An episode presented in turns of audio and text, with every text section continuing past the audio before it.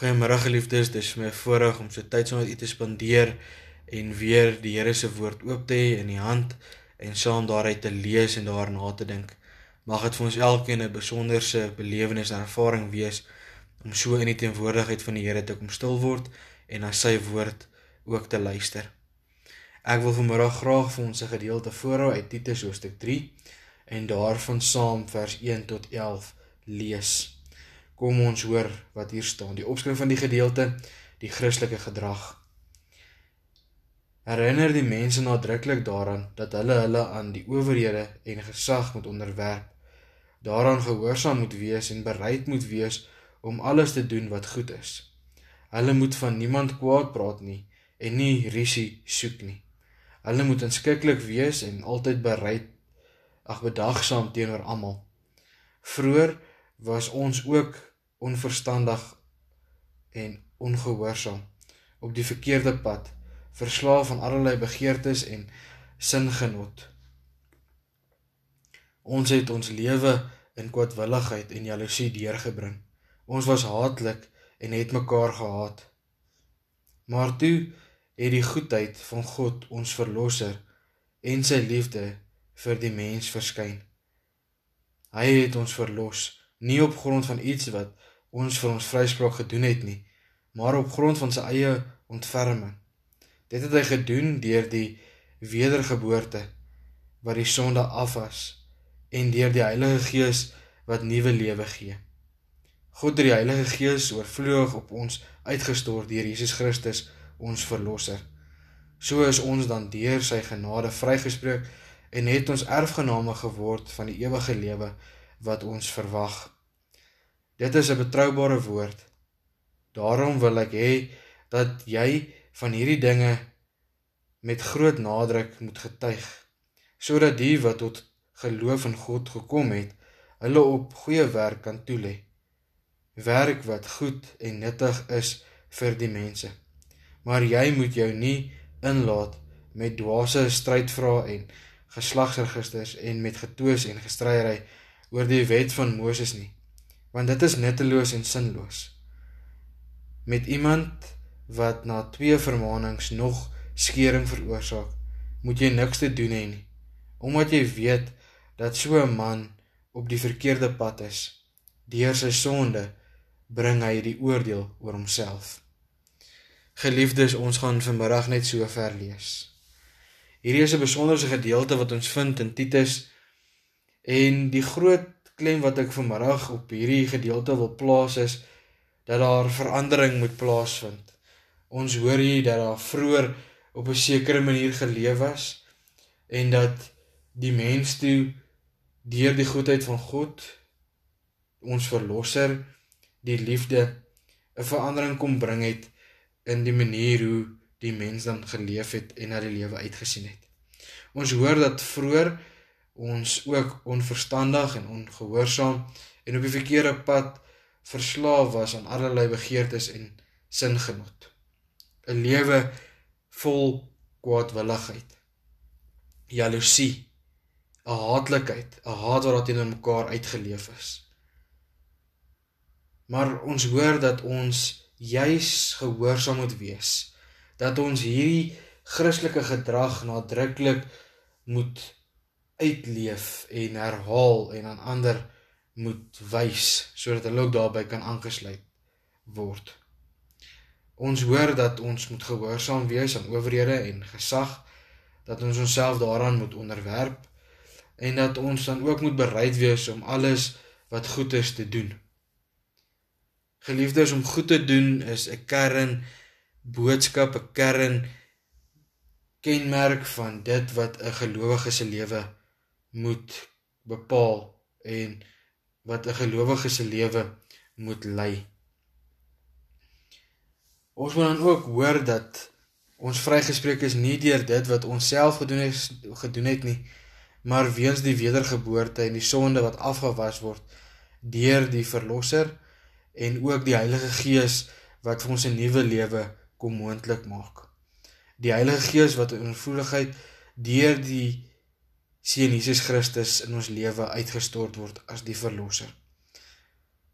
Ons gaan ook bietjie meer kyk na die Heilige Gees en hoe die Heilige Gees juis in sy oorvloedigheid in ons lewe kom woonplek inneem het tydens Pinkster en na die hemelvaart. Geliefdes, ons sien ook uit na die ewige lewe. Die lewe wat ons nou leef is 'n lewe van 'n tydelike bestaan. En ons moet vashou aan hierdie betroubare woord van verandering, van 'n omkeer van wie ons was en wie ons besig is om te word. Daar word van ons gevra om met groot nadruk oor hierdie dinge te moet getuig sodat die wat tot geloof in God gekom het hulle op goeie werk kan toelê. Geliefdes, hierdie verandering dring ons lewe ook tot goeie werk. Goeie werk wat binne die wil van God plaasvind. En dan moet ons wegbly. Ons kry 'n waarskuwing, bly weg van dwaase strydvra, van geslagsregisters, toos en stryery en mense wat oor die wet van Moses beklei en daaroor struwelings maak. Want dit is nutteloos en dit is sinloos. En dan hoor ons in die laaste twee verse dat met iemand wat na twee vermaanings nog skering veroorsaak, moet jy niks te doen hê nie omdat jy weet dat so 'n man op die verkeerde pad is. Deur sy sonde bring hy die oordeel oor homself. Geliefdes, ons kan mense keer op keer wys op die regte lewe. Die lewe deur God en die ewige lewe wat jy daardeur kan verkry. Maar hier hoor ons dat ons ons langer as twee keer iemand vermaan het, hierdie persoon steeds uit uit is daarop om skering te veroorsaak. Ons afstand moet doen met so 'n persoon en dat hy op die einde van die dag deur sy sonde die oordeel oor homself gevel het. Geliefdes, die groot klem vanmiddag wat ek uit hierdie gedeelte uit wil beklemtoon is, daar kom verandering. Ons is nie meer dieselfde as vroeër nie. Daar is nie meer 'n normaal nie. Die normaal word nou God, Christus en die Heilige Gees. Ook in hierdie tyd van verandering kom ons kom kry ook hierdie verandering in ons geloofslewe reg om te sê dit gaan nie meer oor my manier van verstaan en leef nie, maar ons verstaan en leef deur die wil van God. Dat ons sal vashou aan hierdie verandering, hierdie ewige lewe en hierdie oorvloedige teenwoordigheid van die Heilige Gees in ons lewe. Mag ons daardeur bemoedig en versterk word en mag ons werklik erns maak met ons geloofslewe en hoe dit lyk teenoor God, ons Vader, ook sy seun Jesus Christus en die Heilige Gees wat inwonend in ons werk elke dag. Kom ons raak saam stil in gebed. Ons Here en Hemelse Vader, ons dankie vir u woord. Dankie dat ons daaruit mag lees. Dankie dat ons daaroor mag dink. Dankie dat ons lewe daardeur getransformeer kan word om binne u wil groter te word, Here. Here mag ons werklik ons lewe rig op dit wat goed is, die werk wat ons verrig teenoor U, maar ook teenoor mekaar. Here wil U die eer en die lof daarvoor ontvang. Mag U naam daardeur verheerlik word. Here ons wil U vra help ons om gehoorsaam te wees aan owerhede, Here, aan mense wat in gesagsposisies bo ons is. Here gee dat ons hulle ook in gebed sal dra vir wysheid en insig. Dat hulle onderskeiding sou moes hê Here oor die wêreld heen is mense kwaad, is hulle frustreerd en wil hulle uitkoms hê. Maar Here wil U gee dat ons U oë sal hou. Dat ons sal besef dat U die groot regerder is en dat almal van ons onderdanig en in afhanklikheid voor U staan. Here, kom gee ons geduld. Kom gee ons krag. Kom gee ons deursettingsvermoë. Kom gee ons ywer, Here, om ander se belange bo ons eie te stel. Here, dankie dat ons kan weet U het al reeds in ons die verlossing, die ewige lewe kom gee en dit in oorvloed vanuit U eie onberispelikheid. Vanuit U eie oorvloedigheid en ontferming. Here, gee dat ons dit nie sommer net as van selfspreekend sal sien nie, maar dat ons dit sal erken dat ons dit nie sonder U sou hê nie. Here, wil U by ons elkeen wees en bly. Wil U ons kom rustig maak en vir ons kom help om ons vertroue in U volhardend uit te leef.